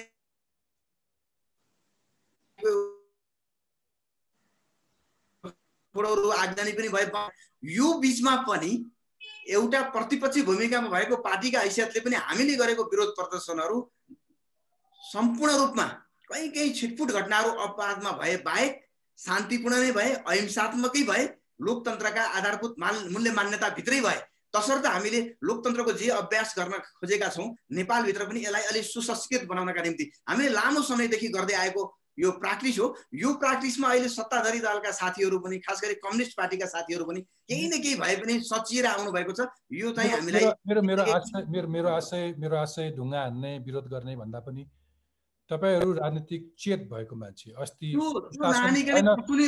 भएन भन्दाखेरि सुशासन भएन भन्दाखेरि स्वत स्फूर्त काठमाडौँका युवाहरू सडकमा निस्के। आम बुझाइ के थिए भने राजनीतिक सङ्गठनहरू छन् युवाका। भातृ सङ्गठनहरू छन् तिनले बोल्छन् तिनले आवाज। तर तपाईँहरू यस्तो भ्याकुम देखियो कि स्वतः स्फूर्त त्यस्तो बेलामा मास्क लगाएर काठमाडौँ राजधानीवासी युवाहरू निस्के। त्यतापट्टि नजाउँ अब ठिक छ। म धेरै तपाईँहरूसँग आर्गुमेन्ट बहस भन्दाखेरि पनि युवा भन्ने बित्तिकै एउटा नवीनतम सोच त्यो नयाँ सोचका साथ ऊ किन अगाडि आएन? किन फेरि हामी त्यही परम्परागत शैलीको राजनीतिक त्यही परम्परागत शैलीको नेतृत्व हामी स्वीकारिरहेका छौँ। तपाईँहरूलाई त्यो चुनौती दिनलाई किन आँट आइरहेको छैन बरु अर्को तहबाट समाजका अरू युवाहरू नयाँ वैकल्पिक शक्तिको फर्ममा ससाना कलेजमा पढ्ने साथीहरू बरु सङ्गठित भएर आउँदाखेरि तपाईँहरू किन कानमा तेल हालेर बसेको भान भएको छ समाजमा भन्ने प्रश्न मात्रै हो। तपाईँलाई अलिकति जागृत गर्न अलिकति आत्म समीक्षा गर्न रिफ्लेक्ट गर्न सहयोग हुन्छ मात्रै भन्ने चाहना हो। तर यो सबै गर्नुको लागि फेरि अघि मैले सुनिताजीलाई सोधेँ जस्तै त्यो नवीन सोचका लागि उसको अध्ययन कस्तो छ? ऊ कति समाजलाई सूक्ष्म तरिकाले हेरिरहेछ भन्ने पनि अर्थ राख्छ होला। त्यसका लागि फेरि तपाईँहरूको ग्रुमिङमा फेरि तपाईँको पार्टी जोडिन्छ होला। म सुरेन्द्रजीकोमा आउन चाहेँ। यो सम्भवतः मेरो अन्तिम प्रश्न सुरेन्द्रजी। एउटा मान्छेको क्षमता विकास गर्ने कुरा हुन्छ। एउटा संस्थाले एउटा सानो अफिसले आफ्ना कर्मचारीहरूको क्षमता अभिवृद्धि गर्छ। सरकारले आफ्ना कर्मचारीहरूलाई क्षमता अभिवृद्धि अथवा पुनर्ताजगी तालिम यस्ता खालका कुराहरू हुन्छन्। युनिभर्सिटीमा एउटा अवधारणा हुन्छ। कुनै एउटा मान्छे चालिस लागेपछि फेरि सेकेन्ड डिग्रीको लागि युनिभर्सिटी फर्किनुपर्छ अरे।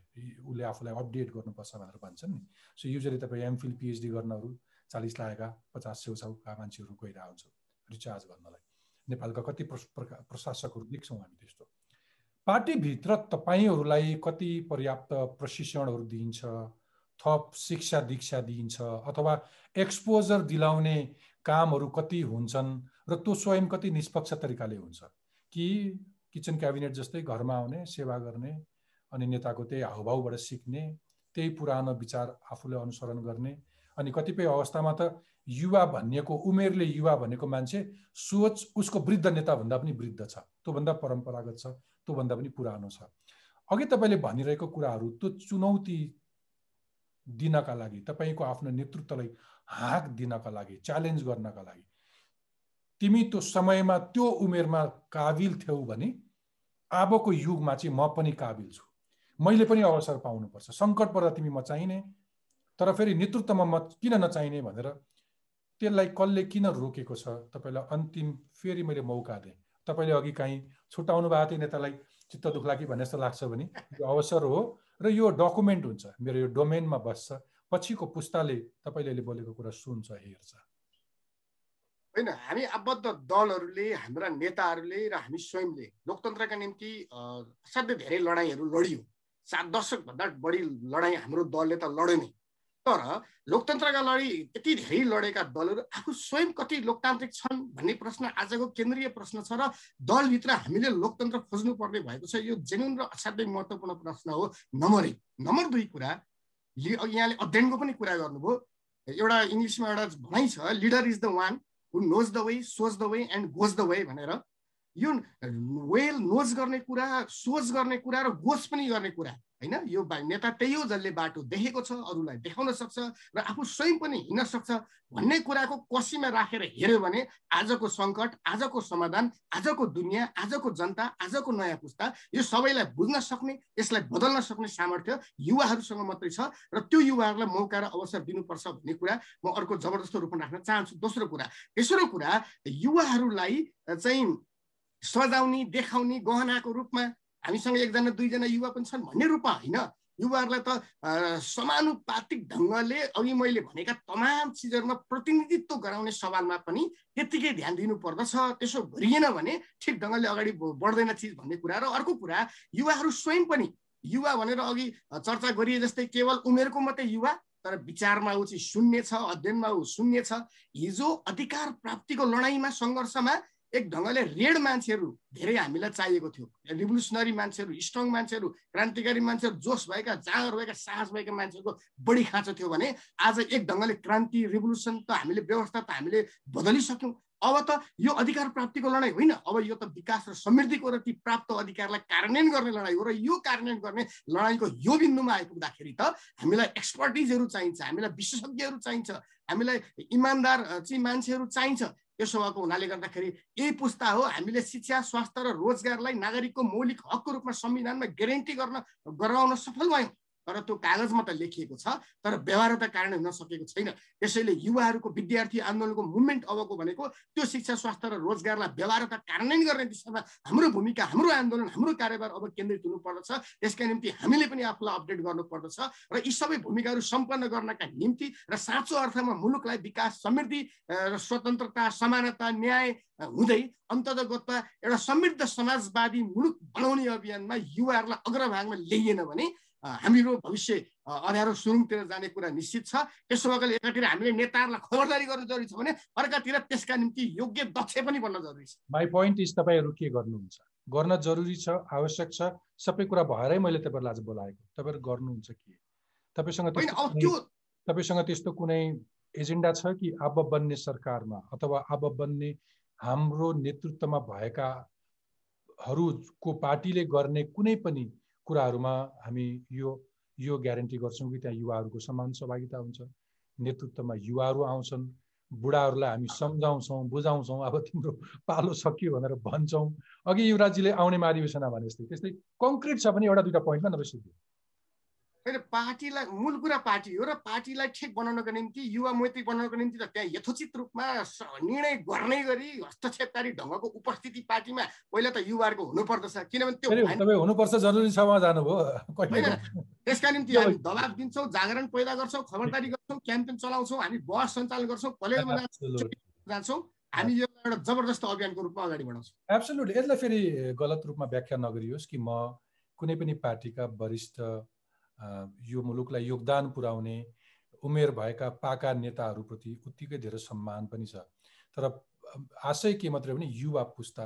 चालिस प्रतिशत युवा भनिएको मुलुकमा त्यहाँ बुढाहरूले पुग्ने नीति बनाएर हुँदैन। युवाहरू नै हुनुपर्छ। नेतृत्वमा पनि युवाहरू नै आउनुपर्छ। र नवीन सोच भएका युवाहरूले अवसर पाउनुपर्छ भन्ने विषयमा छलफल हो। कसैप्रति आग्रह पूर्वाग्रह होइन। म सुनिताजीकोमा जान गएँ तर फेरि यो प्रश्न अलिकति पूर्वाग्रही जस्तो लाग्न सक्छ। तर तपाईँसँगैको यही प्यानलमा भएका अर्को साथीले मेरो प्रश्नलाई समर्थन जनाउनु होला। तपाईँ त्यो कितामा उभिँदाखेरि अलिकति बायस प्रश्न लाग्ला तर फेरि अर्को आँखाले पनि हेर्नुपर्छ भनेर भन्छौँ। तपाईँ यसो हेऱ्यो भने तपाईँका पार्टीका अग्रज नेताहरूले समाजलाई एकदम चलायमान राख्थे जनताको आवश्यकता अनुसार नेतृत्वलाई पनि त्यो चलायमान दिने हैसियत राख्थे त्यतिखेरका युवाहरू। दलका युवाहरू गाउँ गाउँमा सामाजिक अभियान जागरण चलाएर हिँड्थे। तर अहिले यस्तो हेऱ्यो भने युवाहरू टिकटक फेसबुक सोसियल मिडिया मात्रै भए पनि हुन्थ्यो। युवाहरू बढी जस्तो ठेक्कापट्टा बिचौलिया नियुक्ति सरुवा बढुवा लगायतको काममा बढी समय दिएको पाइन्छ। त्यो एउटा साइड। अर्को साइड अहिले तपाईँ आफै सम्बद्ध नेकपाका अध्यक्ष समेत रहेका प्रधानमन्त्री केपी ओलीले यत्रो कदम चाल्दा तपाईँहरूले त्यसलाई मानेर हिँड्नुभयो। तपाईँलाई सही लागेको होला तर सिङ्गो पार्टीले त गलत पनि मान्यो। सिङ्गो समाजले गलत माने अस्ति प्रधानमन्त्रीले गरेका कुरा अदालतले संविधान विपरीत छ भन्यो फेरि प्रधानमन्त्रीले रटान लगाइरहनु भएको छ अब फेरि पार्लियामेन्ट फेस गर्छु भन्दै हुनुहुन्छ त्यतिखेरै गरेको भए हुन्थ्यो। अथवा यी प्रश्नहरूमा पनि फेरि मलाई आक्षेप लाउन सक्नुहुन्छ कि यो पूर्वाग्रही प्रश्न राख्यो भनेर त्यतापट्टि पनि छोडिदिउँ। तर तपाईँ जस्ता युवाहरूलाई सबभन्दा ठुलो आरोप चाहिँ के हो भने तपाईँहरू गुटमा लाग्नुभयो र आफ्नो विवेकलाई बन्धकमा राख्नुभयो। तपाईँ मलाई अस्वीकार गर्न सक्नु होला तर यो समाजले देखेको हो कि हाम्रा युवा नेताहरू आफ्नो विवेकलाई बन्धकमा राख्छन् र नाराका लागि युवाको सहभागिताका लागि युवा नेतृत्वमा पुग्नुपर्छ नारा लगाउँछन् तर ती पुराना पाका नेताहरूबाट परास्त छन्। त्यो पुरानो चिन्तनबाट परास्त छन् भनेर भन्छन्। तपाईँलाई मैले अन्तिम अवसर दिएँ यो अन्तिम प्रश्न पहिलो कुरा त माफ गर्नुहोला तपाईँले असहमति जनाउने सम्भावनालाई अघि भन्नुभएको थियो यसमा चाहिँ मैले तपाईँको कुरामा पूर्ण समर्थन जनाउन सक्दिनँ त्यो कुन कुरामा भने केपी ओलीले एकदमै म प्रश्नको जवाफ पनि दिन्छु र केपी ओलीले यो बिचमा गरेका सभाहरू या हामीले गरेका कार्यक्रमिक योजनाहरूमा भएको उपस्थिति ती सबै उपस्थितिहरू पनि नेपाली जनताका उपस्थिति थिए। त्यस कारणले शत प्रतिशत सही र गलत भनेर हामीले अहिले टिप्पणी नगरौँ। मैले अघि अघि तपाईँलाई भनिसकेँ कि तपाईँहरूलाई यस्तो लाग्छ कि तपाईँहरूका नेताले कदापि गल्ती गर्न सक्नु लाग्दैन। त्यतापट्टि नजाउँ। त्यस्तो लाग्दैन तर हामीले सहीलाई सही र गलतलाई गलत भन्ने गर्छौँ र भनिरहेका छौँ। यो फेरि तपाईँलाई मैले प्रश्न पनि पारेँ होइन? त्यो मैले अघि पनि जोडेँ समय क्रमले यो कुरालाई फेरि पनि पुष्टि गर्ला होइन? अहिलेलाई यति मात्रै भनौँ। र दोस्रो कुरा आज हामी जहाँ जे गरिरहेका छौँ नेताहरूका लागि मात्रै गरिरहेका छैनौँ। र एउटा सत्य कुरा के हो भने म तपाईँलाई भनौँ आज हामीले युवाहरूको भूमिकालाई स्थापित गर्न नसकेको कुरा हामी निर्णायक ठाउँमा नपुगेका कारणले हो। यो कुरा चाहिँ सत्य कुरा हो। किनभने सहभागिता आफैमा पूर्ण कहिले पनि हुँदैन। सहभागिता त अहिले पनि छ युवाको प्रतिनिधित्व गर्ने कुरा अथवा नेतृत्व गर्न सक्ने क्षमता भएका नेताहरूको त्यहाँको चाहिँ उपस्थितिका कुरा त्यो धेरै कुरा छ। तर हुँदाहुँदै पनि निर्णायक पहुँच चाहिँ नभएको कुरा सत्य हो। अब हामीले यसलाई करेक्सन गर्नुपर्छ। तर निर्णायक क्षमता अथवा निर्णायक ठाउँमा पुग्नका लागि के गर्नुपर्छ भन्ने कुराको अहिलेको हाम्रो आवश्यकता होला भन्ने लाग्छ मलाई। त्यसका लागि चाहिँ अब हामीले युवाहरू पनि हामी योजना मात्रै बनायौँ तर कहिले पनि हामी एक्सनमा जाने कुरामा चाहिँ फेरि त्यो पुस्तालाई मात्रै चाहिँ हेरमुख हेरेर अथवा उहाँहरूको आदेश पर्खेर मात्रै अथवा उहाँहरूको निर्देशन पर्खेर मात्रै बस्यौँ। अब हामी युवाले योजनालाई भन्दा कामलाई बढी महत्त्व दिएर आफूलाई अगाडि सार्यौँ भने हामीले हस्तक्षेपपूर्ण तरिकाले भूमिका निर्वाह गर्न सक्छौँ र सबै खाले प्रतिनिधित्व गर्नुपर्ने ठाउँमा हामी नेतृत्वमा पुग्न सक्छौँ र युवाहरूलाई स्थापित गराउँदै युवा सोचलाई स्थापित गराउन सक्छौँ भन्ने विश्वासका साथ म चाहिँ यहाँ लागिरहेको छु। हुन्छ म युवराजीकोमा आउन चाहन्छु। युवराजी एउटा ठुलो आरोप के हो भने दलको झन्डा बोक्ने र आफ्नो नेताको अथवा आफ्नो गुटको नेताको बचाउ गर्न जे पनि गर्न सक्ने जति पनि अराजक बन्न सक्ने एउटा एउटा क्यारेक्टर चाहिँ युथ पोलिटिसियन्सहरूमा देखियो। यो स्वीकार्नुहोस् नस्वीकार्नुहोस्। युवा नेतृत्वमा रहेका युवा राजनीतिमा राजनीतिमा रहेका युवा जमात अक्सर आफ्नो नेताको बचाउ गर्न मात्रै बढी तदारुकता देखाएको तर समाजका समसामयिक विषयहरूमा त्यति धेरै सचेत नभएको भनेर ठुलो आरोप लाग्छ एकदम धेरै बढी लाग्ने गरेको त्यही कारणले होला अहिले पछिल्लो पुस्तामा बिस बाइस वर्षको जो युवाहरू छ उसलाई राजनीति कुरा गर्ने उसलाई चित्त बुझ्दैन। राजनीति गर्ने मान्छेहरूदेखि उसलाई बडो वितृष्णा जाग्छ। यस्तो खालको मनस्थिति अथवा यस्तो खालको परिस्थितिबाट अबको बाटो के हुनसक्छ साँच्चै नवीन सोच साँच्चै साँच्चै फरक खालको अवधारणा त खोज्छ होला नि यत्रो युवाहरू भएको देशमा होइन? अफकोर्स यो अब जरुरी भइसकेको छ।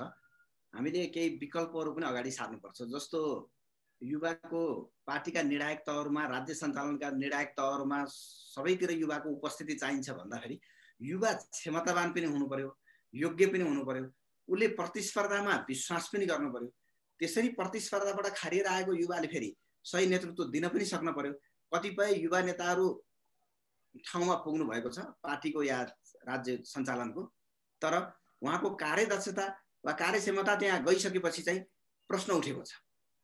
अब हामीले युवा जाँदैमा सबै ठिकठाक हुन्छ भन्न खोजेको होइन।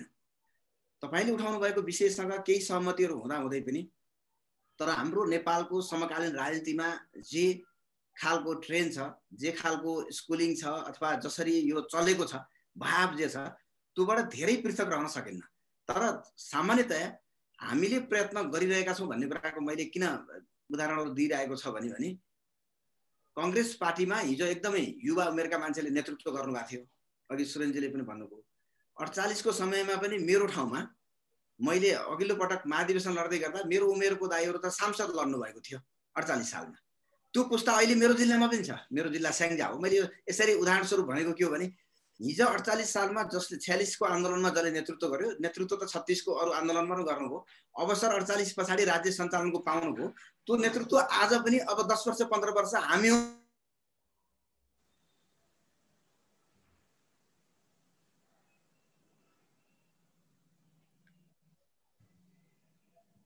नेतृत्वमा स्थापित भएर पार्टीलाई नयाँ खालको ऊर्जा दिन जरुरी छ नवीनता दिन जरुरी छ। र देशका आवश्यकता पूर्ति गर्नका निम्ति युवाहरूको जुन चाहना छ अहिलेको जेनेरेसनसँगको जुन ग्यापको कुरा तपाईँले गर्नुभयो बिस बाइस वर्षको उमेरको एउटा पढ्दै गरेको विद्यार्थी साथी किन पार्टीप्रति लालायत छैन आकर्षित छैन? वा त्यसले चाहिँ यो हाम्रो शैलीलाई मन पराइरहेको छैन? यसमा परिवर्तन चाहेको छ। यो परिवर्तन हामीले व्यवस्था परिवर्तन गरेर मात्रै हुँदो रहन्छ भन्ने कुरा बुझ्यौँ। बैसठी त्रिसठी पछाडि त हामीले व्यवस्थामा त आमूल परिवर्तन गऱ्यौँ नि त। राजा गए गणतन्त्र आए। तर गणतन्त्रमा आएको राष्ट्रपति कस्तो हुनुभयो? गणतन्त्रमा आएको प्रधानमन्त्रीले के गर्नुभयो? हिजो पञ्चायतमा भएको जस्तै अहिलेको युवाले कतातिर राष्ट्रिय खेलकुद परिषदमा नियुक्ति पाइन्छ भनेर तस्बिरहरू पोस्ट गरेका छ। भूमि सम्बन्धी आयोगहरूमा नियुक्ति पाइन्छ कि भनेर दौडेको छ। आजको युवा पनि हिजोको जस्तै अवसरवादी भएपछि हामीले व्यवस्था परिवर्तन गरेर अवस्थालाई परिवर्तन गर्न सक्दैनौँ। अहिलेको युवा यी लोभबाट यो भयबाट यो खालको नेताहरूको प्रलोभनबाट पनि माथि भएर आफ्नो व्यक्तिगत जीवनको सुख सुविधा वा कुनै पदको लाभको कुराबाट पनि मुक्त भएर त्यसले देशका निम्ति योगदान गर्छु भन्यो भने हामी जस्तो राजनीतिकर्मीले त्यो कुरा सुरु गर्यौँ भने अरू क्षेत्रमा हुने युवा युवाहरूले पनि योगदान गर्छ। देश निर्माण त हामी राजनीतिकर्मीले मात्रै गरेर हुँदैन। तर हामीले देशको राजनीतिलाई सही बनाउनेतर्फ लाग्यौँ भने युवा पनि राजनीतितर्फ पनि आकर्षित हुन्छ। अरू पेसा व्यवसायमा भएको मान्छेले पनि फेरि राम्रो काम गर्नेतिर उत्प्रेरित हुन्छ। अहिले हामीले सबैतिर विकृति देख्छौँ नि त। सबैतिर विकृति देख्छौँ। एउटा शिक्षक पनि सही छैन भन्छौँ। एउटा प्राध्यापक पनि सही छैन भन्छौँ। उतातिर गएर चिकित्सकले पनि सही काम गरेको छैन भन्छौँ। कर्मचारी पनि भ्रष्ट छ भन्छौँ। धेरैतिर जताततै हामीले अहिले विकृति मात्रै देखिरहेछौँ। यो अवस्था फेर्नका लागि हामी जस्तो राजनीतिक कर्मीहरूले आफैबाट बदलाव सुरु गर्नुपर्दछ। हाम्रो पुस्ताको मैले हाम्रा अरू साथीहरूले कन्टेम्पोरेरी राजनीति गरेका भिन्न पार्टीका साथीहरूले पनि त्यहाँबाट सुरु गरेर हाम्रा अग्रजहरूलाई सम्मान गर्ने उहाँहरूको योगदानको हामीले कदर गर्ने त्यसलाई राम्रा कुराहरूलाई अनुसरण गर्ने। तर नराम्रा कुराहरू त हामीले फेरि त्यसलाई निरन्तरता दिन पनि भएन त्यसको पक्ष पोषण गर्न पनि भएन वकालत गर्न पनि भएन। हाम्रो नेतृत्वले नराम्रो कुरा गर्छ भने मैले तपाईँको यो टेलिभिजन च्यानलबाट भने काङ्ग्रेस मात्र यस्तो पार्टी हो जहाँ शेरबहादुर देवालले एउटा गलत काम अथवा बोली कुनै कारणवश कुनै ब्लन्डर कुरा बोल्नुभयो भने त्यसको सबैभन्दा बढी सोसियल मिडियामा आलोचना काङ्ग्रेस विरुद्धको मतदाताले गर्छ। काङ्ग्रेस कार्यकर्ताले गरिरहेको हुन्छ। र कहीँ फेरि अन्याय भयो भने यो पनि मैले स्मरण गराउन चाहेँ। कहीँ अन्याय भयो। अस्ति हाम्रो फरक पार्टीको रामकुमारी झाँक्री पाँच घन्टा प्रहरीको नियन्त्रणमा हुँदा सरकारले यो काम गलत गर्यो। बोल्ने स्वतन्त्रता पनि हनन गर्न खोज्यो। यो भोलि जसलाई पनि हुनसक्छ भनेर सबभन्दा बढी बोल्नेहरू पङ्क्ति हामी नै थियौँ। काङ्ग्रेसका मान्छेहरू थियौँ। तसर्थ हामीले निष्पक्ष रूपमा न्यायिक रूपमा अबको युवाले देखेको विवेक तपाईँले भने जस्तो विवेक बन्धक राखेर होइन खुल्ला ढङ्गले हाम्रो नेतृत्वले हामीलाई पाखा पार्छ। कि भन्ने डर र भयबाट पनि ग्रसित भएर होइन। कि त्यो नेतृत्वलाई पनि चुनौती दिँदै त्यो नेतृत्वले पनि भोलि कहीँ न कहीँ हाम्रा युवाहरू जो सो स्वस्फूर्त रूपमा नेतृत्व क्षमता पनि विकास गरेका छन् सक्षमता पनि छ उनीहरूसँग अनुभव पनि छ काबिल पनि छन् यिनले अब हस्तक्षेप गर्छन् भन्ने कुराको बोध गर्ने गरी हामीले पार्टीहरूभित्र रूपान्तरण गर्न जरुरी छ त्यहाँभित्र सङ्घर्ष गरेर स्थापित हुन जरुरी छ र राज्य सञ्चालनको अवसर आउँदा पनि हामी सानातिना प्रलोभनहरूमा परेर होइन सानातिना सेटिङहरू वा बिचौलियाको प्रभावमा परेर होइन जनताप्रति समर्पित भएर जनताको प्रतिनिधिका रूपमा हामीले काम गर्न जरुरी छ। अहिले देखिएको जुन खडेरी छ यसले हाम्रा नेतृत्वहरूप्रति आम मान्छे विकसित छ वितृष्णा छ। यसलाई हामीले चाहिँ हटाउनु पर्छ त्यसका लागि हामी प्रतिबद्ध हुन जरुरी छ। हामीले समय सिद्धियो मैले यति भन्दै गर्दाखेरि तपाईँहरूले आफ्नो पार्टी आफ्ना वरिष्ठ आफ्ना अग्रज नेताहरूलाई देखाइरहेको सम्मानमा कुनै कमी नआओस्। आशय के मात्रै हो भने थुप्रै पुस्ताहरूदेखि थुप्रै सत्ताहरूसँग ठगिएर थिचिएर मिचिएर जीर्ण बनेका हाम्रा आधारहरू जुन छन् ती समेत अब आउने पुस्तामा पनि फेरि यस्तै भ्रष्टता अथवा यस्तै कुरूपताको पुनरावृत्ति चाहिँ नहोस् अथवा ती धान्ने तागत तपाईँहरूमा नपो होला कि भन्ने चिन्ता हो। त्यसकारण सम्भवतः अहिलेको युवा पुस्तामा एक किसिमको नवीन सोचको आवश्यकता छ। गुटगत राजनीतिमा अड्किने होइन आफ्ना निजी स्वार्थहरूमा रुमल लिने होइन युवाले साँच्चै नवीन सोच राख्नु पर्छ अथवा त्यो सम्बन्धी छलफल बहसहरू हुनुपर्छ होला। सधैँभरि सबै राष्ट्रहरूलाई यो अवसर हुँदैन कि सधैँभरि एउटा मुलुकमा युवा सङ्ख्या जनसङ्ख्या रहिरहँदैन। आज संसारले भन्छ कि नेपालसँग चालिस प्रतिशत युवाको जुन जनसङ्ख्या छ त्यो डिभिडेन्ट हो। तपाईँ सेयर किन्दाखेरि सेयरमा डिभिडेन्ट एउटा लाभांश जस्तै हो। त्यो लाभांशको कति समुचित प्रयोग गर्न सक्यौँ तपाईँहरूको समयमा भन्ने कुरा हो। र तपाईँलाई इतिहासले हेर्छ कि मैले सुरेनजीलाई ठट्टामा भनेको थिएँ कि यो यो पब्लिक डोमेनमा हुन्छ पछि आउने पुस्ताले मेरो अग्रज मेरो अगाडिको पुस्ताले के सोच्दै भनेर हेर्छन्। ठिक छ तपाईँहरूले महत्त्वपूर्ण समय दिनुभयो। तपाईँहरूको ऊर्जामा कुनै कमी नआओस्। तपाईँहरूको यो उत्साहमा कुनै कमी नआओस्। मेरो शुभेच्छा छ शुभकामना छ। समयको लागि धन्यवाद। अवसरका लागि धन्यवाद। धन्यवाद नमस्कार। हवस् त अर्को हप्ता यसरी नै जनजीविकाका सवालमा प्रत्यक्ष सरोकार राख्ने समसामयिक विषयका साथ भेटौँला। टकटकको युट्युब पेज तथा फेसबुक पेजमा प्रतिक्रिया लेख्न तथा सब्सक्राइब गर्न नभुल्नुहोला। स्वस्थ रहनुहोस् सुरक्षित रहनुहोस्। आजलाई बिदा दिनुहोस्। नमस्ते। शुभरात्रि।